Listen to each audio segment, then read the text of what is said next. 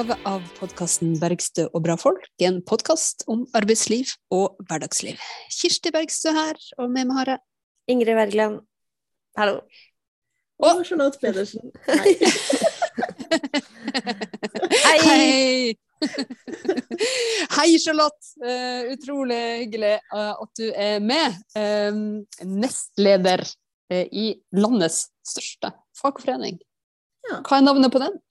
Oslo Akershus Handel og Kontor heter den. Intet mindre.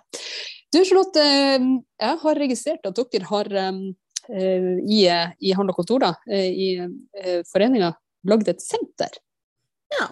Vi har lagd det vi kaller et tillitsvalgtsenter. Vi har liksom flyttet ut av, vi driver og ut av små lokaler inn i store lokaler med både kurssal og det kuleste av alt, tillitsvalgtsenter, hvor vi har satt opp liksom arbeidsstasjoner. Hvor tanken er at når man kommer ordentlig i gang, at tillitsvalgte skal kunne komme og sette seg og jobbe, bli kjent med andre tillitsvalgte. Og liksom at det skal bli en møteplass da, for våre medlemmer og tillitsvalgte. Det er liksom mini-Folkets hus, nesten. Så tøft! Ja, det tror jeg blir veldig bra, faktisk. Det er veldig veldig flotte lokaler også, og rett i hjertet av Youngstorget. Det høres jo helt perfekt ut, for jeg tenker sånn når folk er tillitsvalgte på arbeidsplassen sin, eh, så er det jo noen som ja, har litt tid, noen er jo frikjøpte og har, har mulighet til å Kanskje noe tid i uka, da, eller i måneden, til, til å jobbe bare med, med fagforeningsarbeid. Og da kunne komme til et sted hvor det er andre som jobber med samme, og ja, kanskje man til og med kan dele erfaringer. Det er jo helt er jo ikke så dumt tenkt. Det syns jeg høres kjempebra ut. Det er jo drømmen. Det er drømmen. Så er det jo Ja. Eh, Ikke alle har jo lokaler hvor det er egnet Mm. til å ha dette arbeidet heller. Veldig små butikker f.eks. med tillitsvalgte. Det er ikke sikkert de har arbeidslokaler hvor de kan gjøre det. Og da kan dette på sikt hvert fall være noe som man kan komme og få satt seg og jobba litt i fred hvis man trenger det, da. Og også at klubber kan se om det er mulig å ha årsmøtene sine i salen der, og med alle de nye løsningene, teleslynger og det som måtte være, ikke sant. Så det er topp moderne, men liksom for medlemmene, da. Ja, det er jo så utrolig mye bedre enn at eh, den dagen man kanskje har, har litt eh, tid til å jobbe med fagforeninga, så, så skal man sitte på et eller annet dårlig provisorisk hjemmekontor istedenfor å sitte, sitte godt og jobbe enda bedre og møte folk. Nei, det er kjempekult. Det får jeg lyst til å dra og se på. Men er det betjent? Altså Er det noen som, som er der hele tida? Er det sånn at man kan komme hit og rent faktisk spørre om ting og sånt? Eller er det sånn, eh, Vi er er det er sånn som de moderne bibliotekene, der du har et kort, og så kan du gå og bruke det som du vil? Eller? ja, vi er ikke er helt der enda. Foreløpig så er det jo når det er noen av de tillitsvalgte til stede, så er det jo bare å ringe på, og så blir man sluppet inn. Eh, Så får man jo se hvor stor suksessen blir etter hvert. Men vi har jo sånn kurssal, og den har jo begynt å fylles opp allerede med aktiviteter. Både kurs og skoleringer forbundet legges mer av der, og vi skal kjøre kurs og skoleringer, og klubber som har årsmøter. og Det er egentlig bare å ta kontakt med fagforeninga og så se når det er ledig og når det er mulig å komme innom. Det er knalltøft. Du, jeg har et forslag til um, sånn temamøte som kan holdes uh, på uh, det nye senteret. og, uh, og det temaet, det er et forslag som, som jeg sammen med andre fra SV har foreslått, og som rett og slett eh, angår eh, handel- og kontor medlemmer. Folk som jobber i, eh, i eh, butikk. Eh, fordi eh, det mange kanskje ikke vet, er at, eh, eh, er at eh, eh, veldig mange som eh, jobber i varehandelen, eh, ikke har den samme beskyttelsen som andre når det gjelder eh, helg og kveld og, og, og nattarbeid. Eh, så har man ikke den samme beskyttelsen i arbeidsmiljøloven. Mm. Eh, hva, hva er grunnen til det, Charlotte? Altså, jeg håper jo at det er en litt sånn pinlig forglemmelse som man aldri har fått gjort noe med. For det var jo for en del år siden en egen lov som regulerte åpningstid og arbeidstid for de som jobbet i butikkene. Du hadde bare lov å ha åpent innenfor visse tider. Og så fjernet man den loven. Og fordi man hadde hatt en egen lov, så var jo man unntatt da fra bestemmelse i arbeidsmiljøloven, for det var jo regulert et annet sted. Og når man da fjernet den loven, så glemte man rett og slett å fikse det unntaket i arbeidsmiljøloven. Så da har man jo hatt ganske mange år nå hvor det vernet, og ikke minst eh, natt og kveld, men også søndagen, faktisk ikke har vært gjeldende for de som jobber i dagligvare. Og det er litt unikt i og med at man i utgangspunktet i arbeidsmiljøloven sier at man skal jo ikke jobbe søndager, man skal jo ikke jobbe natt som hovedregel. ikke sant? Og så har du en av de største sysselsetterne i privat sektor som er unntatt fra dette her sånn. Ja, nei, men det, det, er jo, det, er jo, helt sprøtt, og vi vet jo hva det har ført til helt sånn konkret i, i en enorm liberalisering av, av åpningstidene. Men, men, men, eh, det er jo Altså Kan man si det så enkelt at man glemte å gjøre noe med varehandel da den lovendringen kom? Altså, det er jo en del, det er en del som vil uh, at man skal kunne uh, ja, sette folk i arbeid i tide og utide. Jeg sier jeg legger godvilja til, og så tenker jeg meg glemte. Men uh, så er det nok kanskje villet politikk fra i hvert fall noen, da, at det skal være mm. sånn. Det, og så får man jo håpe at ikke alle er enig i det, da. Og det er jo mm. godt å se at i hvert fall SV er enig med oss at sånn bør det ikke være. Det er ikke noe mindre kjipt og farlig å jobbe natt eller søndag i butikk enn det er å jobbe i andre yrker. Mm.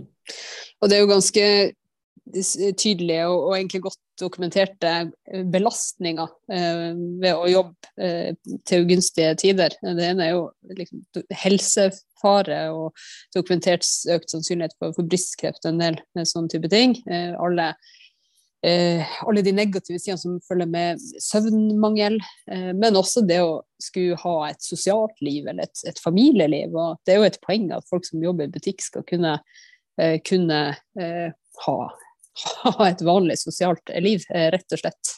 Mm. Så Derfor så har eh, vi foreslått nå eh, at det skal settes i gang et arbeid for at nettopp folk i Valandelen skal bli, bli beskytta av arbeidsmiljøloven fullt ut. Det er jo på tide. Og vet dere hva, når, når, man, når man leverer sånne representantforslag på Stortinget, så får man jo svarbrev fra statsråden, statsråden sin vurdering av eh, liksom, forslaget. Og jeg kan jo avsløre nå at eh, det er ikke sånn eh, at eh, arbeidsministeren tenker at her kommer et veldig velkomment initiativ fra, fra SV, som man griper begjærlig med begge hender og tenker at nå skal vi løse dette sammen. Så jeg tror at det kommer til å kreve litt, et betydelig press for å rett og slett komme noen vei, når sant skal sies. Eh, så det vil jeg gjerne oppfordre deg, Charlotte, og alle andre som er tillitsvalgte i handel og kontor, til å rett og slett fortelle omverdenen hvorfor det er viktig at man får gjort noe med den manglende beskyttelsen i arbeidsmiljøloven. Fordi det er jo et spørsmål om eh, frihet og hva man skal vekte. Er det liksom noens frihet til å kjøpe klær og sminke og sko og eh, brød eh, når som helst, eller er det noen sin frihet til å ha fri når andre har det, og kunne ha et, eh, et familieliv som funker?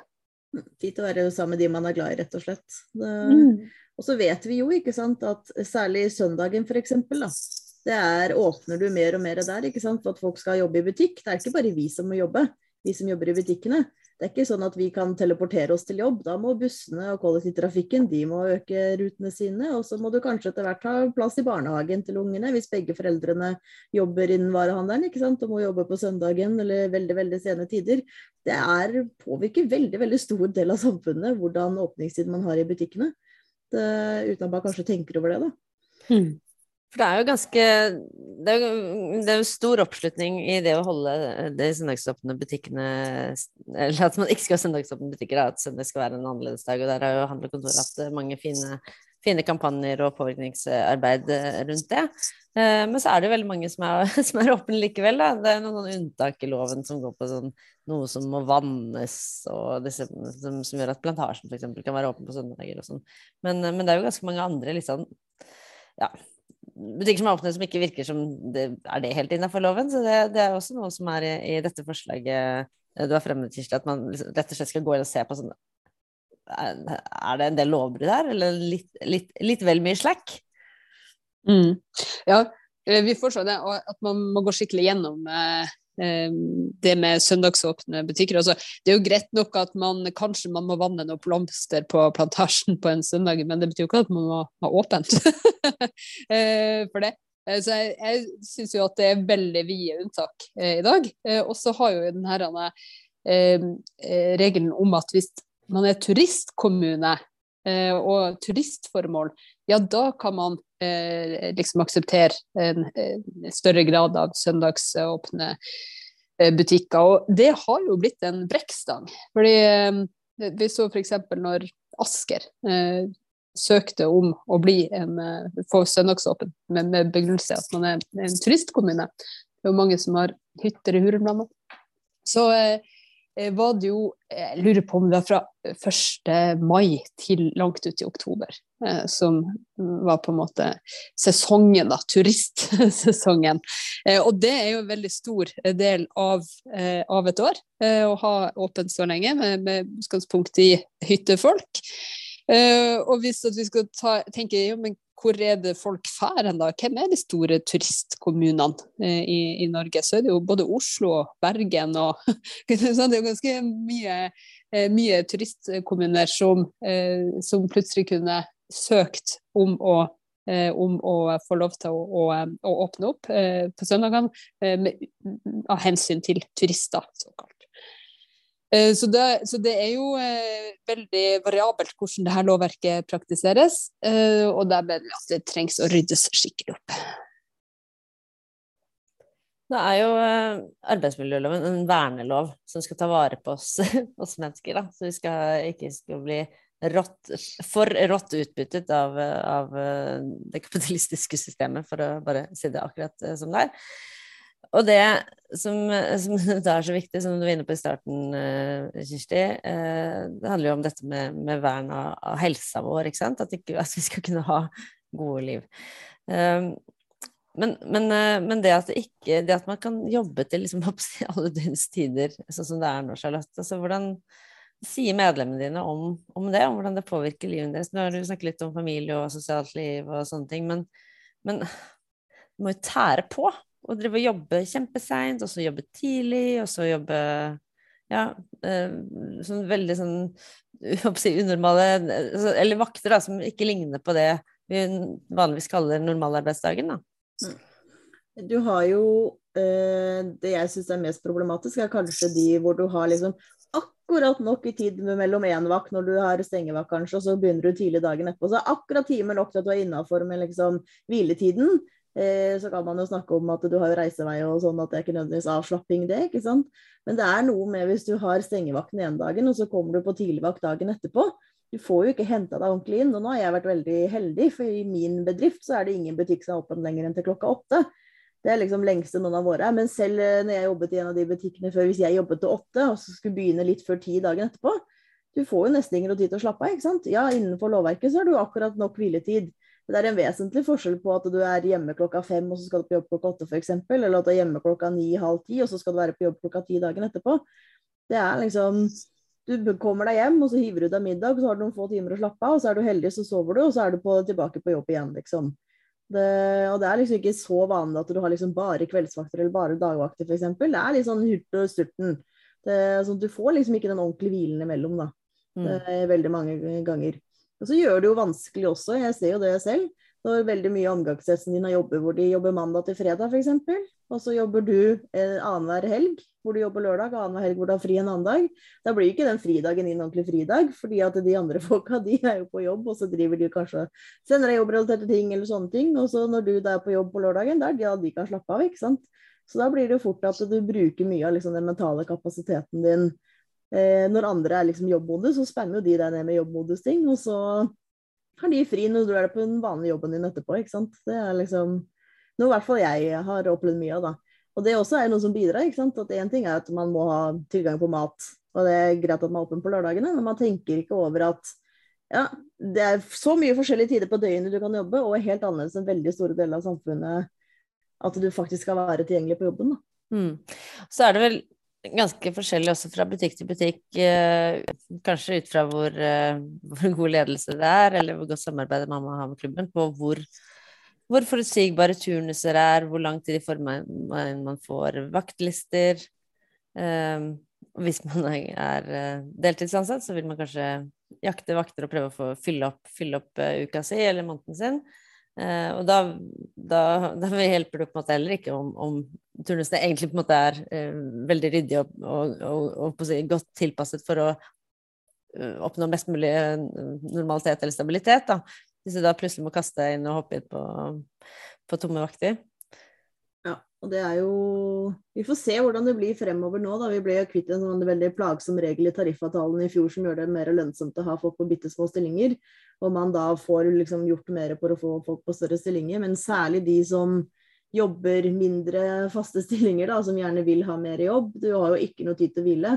Vi har jo medlemmer som liksom sitter med telefonen og sånn og jeg håper jeg får vært med på bestemors bursdag nå på lørdag, men får jeg en vakt, så må jeg droppe den. For de pengene de trenger jeg. Så de kan liksom aldri vite. Så de kan få beskjed på fredagen at i morgen så må vi ha deg, og så bare beklage bestemor, det var det 70-årslaget, liksom. Det må på jobb. Det, det er jo mentalt veldig tungt, da. Man kan snakke om fleksibilitet, men fleksibilitet det handler også om mulighet til å faktisk planlegge livet sitt. Det, mm. Og det kan du ikke i veldig mange tilfeller når du må sitte der og håpe på å få en vakt, eller du ikke vet når du skal jobbe. Og så heldigvis altså skal man jo egentlig til lovverket ha i hvert fall to ukers varsel på de faste vaktene sine, og så skal man jo med tariffavtalen ha fire ukers eh, varsel. Så problemet blir jo først og fremst de som ikke har fulle stillinger eh, som må drive og fylle på underveis. Så har vi jo også verstingbedrifter hvor ikke man følger disse tingene for de faste ansatte heller. Det, noen av skrekkeksemplene tror jeg har hatt folk som har vært og feira nyttårsaften, og så har de fått beskjed på kvelden på nyttårsaften at de skal på jobb første nyttårsdag. på søndagsåpen butikk. Det, eller liksom er første nyttårsdag og får beskjed om ja, forresten i morgen så må du på jobb. Det er sånn å ja, sent på kvelden så får du vite at du skal jobbe dagen før, liksom. Det er hyggelig. Da må man legge bort eh, alle planer og bare stille opp. Ja, hvis man vil ha pengene, så må man jo det. Og dessverre så trenger vi jo pengene for å leve i dagens samfunn. Så det vi gjør jo det, og eh, det er jo eh, ekstra viktig hvis man har eh, veldig små stillingsbrøkere. Og det er det jo mange i din bransje som har, særlig, særlig damene. Det er jo slående at kvinner som selger klær, har større sannsynlighet for deltidsarbeid enn menn som selger materialer. Ja. Det er jo gjennomgående. Men det, det er jo klart, de her tingene henger jo i hop.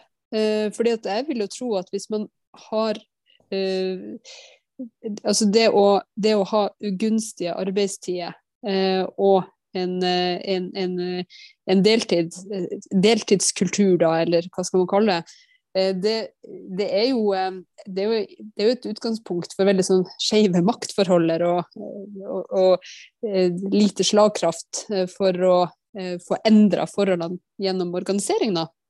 Mm. Så hva tror må, eh, hva tror må, eh, hva tror du er de viktigste grepene Charlotte, for, å, for å få gjort noe med det? Jeg tror jo å sikre en reell rett til heltid er veldig viktig. Kanskje må man se på lovverket som ligger der i dag med tolv ja, måneder f.eks. hvor du må jobbe utover stillingene før du kan kreve å få den høyere. Det er veldig lenge, syns jeg. Det, kanskje burde man sett på om det burde vært annerledes, f.eks. At det burde vært en kortere periode. Um, og så ikke, Det er veldig mye dårlig arbeidstidsplanlegging og sånn der ute også. Og så mm. er det liksom Et av de argumentene man møter opp for hvorfor man må ha deltid og sånn, er nei, men vi må klare å liksom fylle ut dagen, da. Man må klare å fylle ut denne dagen her sånn, og det er så vanskelig. Og så er det jo noen av oss som snakker om ja, det finnes jo måter. Sekstimersdagen f.eks. Det er like lett å dele opp det inn i seks som det er å dele det opp i åtte.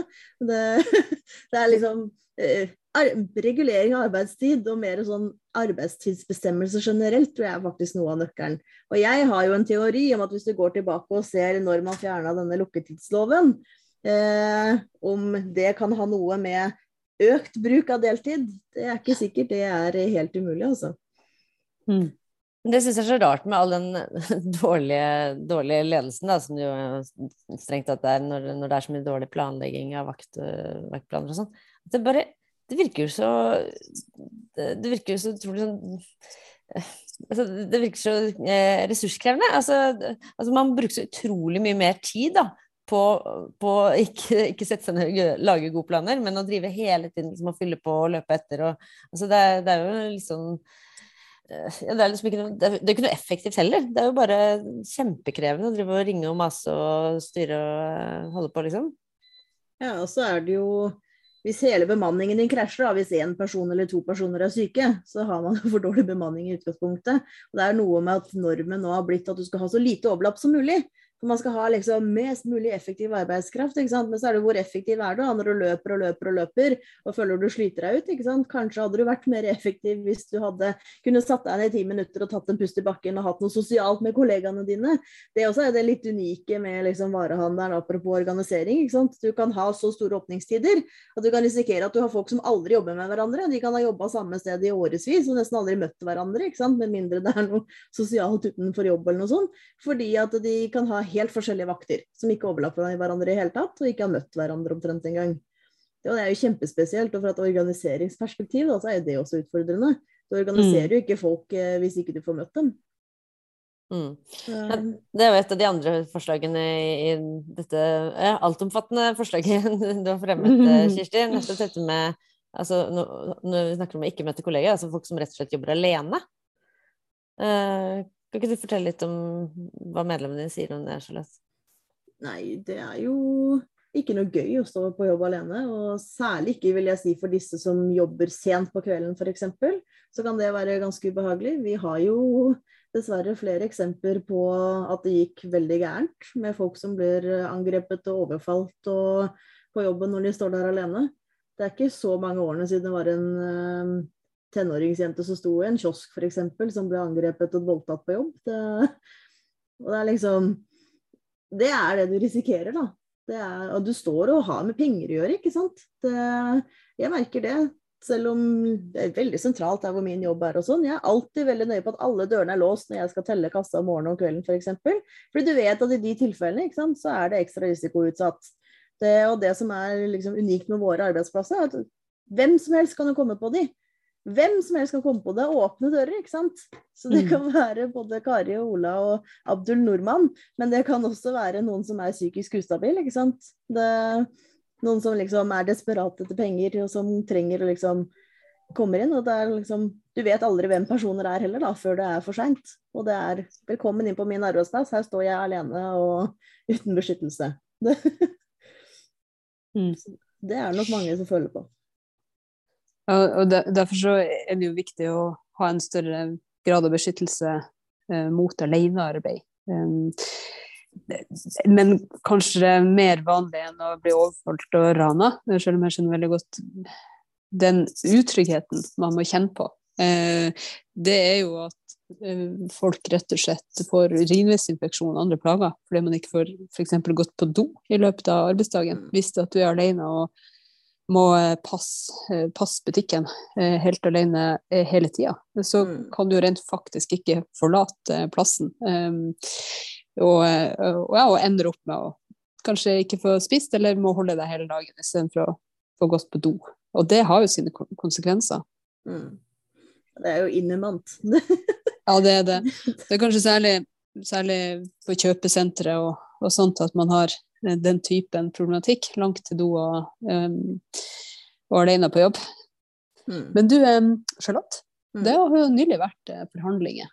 Mm. og er jo forhandlinger. Det pågår og pågår og pågår. Men jeg har registrert et eh, veldig viktig gjennomslag på deres område, som mm. handler om lønn ved sykdom. Ja, det vi får jo se, det er ute til uravstemning hos medlemmene nå. Jeg må innrømme Min fagforening har jo anbefalt medlemmene å stemme nei, for vi mener man kanskje kunne kommet enda lenger. Men det er jo en veldig viktig start, da. Det kan man anerkjenne uansett om det er dette som blir eller ikke. Så er det liksom eh, full lund under sykdom, i hvert fall en periode av året, hvor du slipper å liksom forholde deg til systemet Nav og sånn. Veldig, veldig viktig prinsipp. Men så må jeg jo innrømme at vi er nok litt skuffa når du har direktørene som sitter med full lønn hele året, og så har du våre ansatte ute i butikkene som uh, får tre måneder i året. Det, det, føles jo litt urettferdig. Det er ikke noe mindre belastende hvis du får kreft i butikken hvis du får kreft når du jobber på kontor, for å si det sånn. Det... Jeg kan ikke fortelle helt konkret hva dette, hva dette betyr. For hvis man hvis man blir syk, så er det jo arbeidsgiver som skal betale de første 16 dagene, og så mm. er det Nav som betaler. Og da er det jo sånn at uh, i en del uh, arbeidsplasser så, så, så, dealer og wheeler uh, arbeidsgiver med Nav og bare betaler ut mm. lønn som normalt, og så sier arbeidsgiver til Nav du, vi har betalt dette, få, få det tilbake. Ja. Men så er det jo noen steder hvor det ikke er sånn, da. Ja. Og så er det også viktig å skille på Du har noen steder hvor arbeidsgiver forskutterer, hvor de mm. betaler ut lønna di, men det du får opptjent av feriepenger og pensjon, det er de første 48 dagene du er syk. Mm. Eh, også det som eh, vi har fått nå, det er jo at du har faktisk full lønn. Dvs. Si du tjener også opp feriepenger og du tjener opp pensjon på den perioden. Det, og du har jo da i stedet for 10,2% feriepenger som du vil da ha fra Nav, så har du 12% fordi at det er knyttet til tariffavtale. Så det er liksom der hovedforskjellen ligger. Så dette er jo forskuttering av full lønn, også med disse opptjeningene her sånn. Eh, og det er jo liksom viktig da, at du skal slippe som enkeltperson når du blir syk, og måtte forholde deg til systemene. At er arbeidsgiveren din skal liksom være den profesjonelle parten. da. Eh, og uansett skal ha oppfølging av deg når du er syk. At det er de som skal liksom deale med dette systemet det, i stedet for. Men blir det da sånn nå at det er eh, arbeidsgiver som, som, håndterer Nav også, eller er, er det, hvordan blir det nå? Det som er kommet gjennom, er de første tre månedene. Og så er det jo selvfølgelig mulighet for at man kan ha lokale forhandlinger og komme til bedre ordninger, f.eks. Så håper jeg at det er, når man først er i gang med disse tre månedene, at man kanskje kan se at det, okay, det er ikke så veldig mye mer administrasjon hvis man har seks måneder eller et år. Det, mm. det er liksom det, At man kan komme til lokale ordninger på det, eller at man eventuelt må bygge videre på det senere og få det utvidet. da. Det, men i hvert fall helt i starten så kan man liksom konsentrere seg om å bli eh, frisk, er det som skal være målet. At i stedet for å måtte huske på å sende inn skjemaene du skal gjøre, og ditt og datt og datt, så skal du faktisk kunne bli frisk. Og så er det jo, jeg i hvert fall mener at det er et litt viktig prinsipp at det ansvarliggjør eh, arbeidsgiverparten mer. For eh, jeg må innrømme at som tillitsvalgt så har jeg vært i kontakt med veldig mange andre tillitsvalgte og opplevd selv. ikke sant? Arbeidsgivere som nærmest sitter og følger med på kalenderen. Her er det langtidssyk. Nå nærmer det seg et år, da skal vi prøve å bli kvitt disse her. Og eh, det er jo ikke akkurat vanskelig å få av folk. ikke sant? Det er gjerne folk til lavere lønn. Hvis det er folk som har mm. jobbet der lenge som blir langtidssyk, så er de kanskje høyt opp på ansiennitetsstigen i lønn. ikke sant? Så kan du putte inn andre folk i mellomtiden. og så I stedet for å liksom ordentlig følge opp og prøve å få folk tilbake på jobb, så er det veldig lett i dag, fordi at de må forholde seg til Nav. Så bare sitter man og så ser man om man kan liksom side dem opp når periodene har gått langt nok. Så det er jo et veldig viktig prinsipp med å ansvarliggjøre, at det er du som har ansvaret for å betale. At det faktisk koster noe da, når du har langtidssyke. Det er derfor kravet vårt var et år. Og så hadde vi også krav om at det samme skulle gjelde for eh, foreldrepenger når du er ute i liksom, foreldrepermisjon. Det fikk vi dessverre ikke gjennomslag for nå, så det får vi jo ta opp igjen ved en senere anledning potensielt. Men jeg syns det er viktig da, at det skal koste for arbeidsgiver at folk er syke. Hvis du bare kan sitte der og vente og det koster deg ingenting, så er det ikke rart at man sliter med å få folk tilbake på jobb, da. Hvis alt du gjør er det liksom lovpålagte oppfølginger med Nav til visse tider etter x antall uker, og så trenger man i utgangspunktet ikke gjøre noe mer på papiret, så, skal man jo det. Men i praksis så ser jo vi at det er veldig mye som ikke gjøres som det skal gjøres på dette her, da. Og da flyttes jo all byrden fra den profesjonelle part til den som er syk og faktisk skal prøve å bli frisk igjen. Ja. Og nå skal vi ikke holde noe lengre foredrag om, at, om, ting som ikke fungerer i Nav, men vi vet jo at det, vært, det er mye utfordringer i Nav-systemet, og det, det, jobbes det jo med, med forbedring av, av, av, ansatte hele tiden. Men jeg syns det er viktig det du sier med det, det ansvaret, da, særlig sett i sammenheng med det andre vi har snakket om, da, om at, om at de arbeidstidsordningene som er eh, og vi vet eh, gjør at folk blir syke. Altså Dette henger jo sammen. Folk, altså, Selvfølgelig kan sykdom eh, oppstå av andre grunner enn arbeidssituasjonen, men det er, det er mye eh, helseplager knyttet til det å jobbe så, eh, på så ulike tider. Det, hva, hva angår allerede? Det kan være så alvorlige ting som kreft, men det kan også være slitasjeskader av alle mulige andre ting, og ikke minst eh, søvnproblemer. ikke sant? Fordi man, mm. man kødder med døgnet hele tiden. Og ja, det, det er veldig, veldig utfordrende. Ja, som en som sliter med søvn, så kan jeg skrive under på det. det og så mm. er det jo en del av arbeidsmiljøloven som jeg syns vi er for dårlige til å snakke om. Jeg husker jeg var på tillitsvalgtskolering, jeg fikk jo sjokk, ikke sant. For du kommer lenger, ikke lenger til paragraf nummer én, og der står det at det skal være helsefremmende å være på jobb. Det er jo litt ironisk, ikke sant. Den paragrafen burde vi kanskje dratt fram litt oftere. For det kan man jo argumentere at i en del tilfeller ikke er tilfellet, da. Det, men det er jo faktisk lovens intensjon, at det å være på jobb, det skal være helsefremmende, da. Det skal mm. være positivt å dra på jobb, og det skal du føle deg friskere når du går enn når du kom. Det arbeidslivet har jeg lyst på. Eh, jeg tror vi må jobbe litt, litt lenger før eh, loven blir som livet der, men eh, vi får kjøre på. Charlotte, er det sånn at dere alltid stemmer nei i Eller anbefaler, anbefaler nei i, i i, i foreninga di? Vi har vel en viss tendens til det. Vi er vel kanskje litt i raddisene som tenker at man kan alltid få til mer, og så er det jo liksom Vi mener jo at det er mer styrke enn kanskje våre medlemmer får creds for, da. Det, vi er liksom en veldig stor sektor. Og man, det er liksom veldig lett å se ned på disse som sitter i kassa, men jeg skal love deg at hadde ingen av de gått på jobb, så hadde samfunnet slitt. Og det så vi jo også under pandemien, ikke sant. Det er en grunn til at de dagligvareansatte f.eks. ble klassifisert som eh, kritisk personell. Det er fordi at vi hjelper til å holde samfunnet i gang og få det til å gå rundt. Så det, det, er ingenting å si på at dere er samfunnskritiske, nei. Det ser vi. så du kan godt si at det er bare de som sitter og jobber i kassa, ikke sant. Men jeg vet at det er ikke tilfellet. Dette her er fantastisk flotte folk som så på døgnet rundt omtrent for at vi skal ha det bra, vi andre også. Det, så får vi si som Elinors vise, at det blir like fint å jobbe som en danse. Det må vel være målet. Apropos eh, jobb, eh, så har jo du vært Eh, gjest hos oss en gang før, Charlotte, eh, for å snakke om eh, forrige gang dere hadde store forhandlinger og skulle ta stilling til resultatet av dem. Mm. Og da lurer jeg på, Ingrid, husker du hva Charlotte sin aller første jobb var? Oi, oi, oi! Hæ? Å, det var Hva var det, da? Nei, vet du hva, det har jeg faktisk glemt. Kan ikke du gi et hint, Charlotte?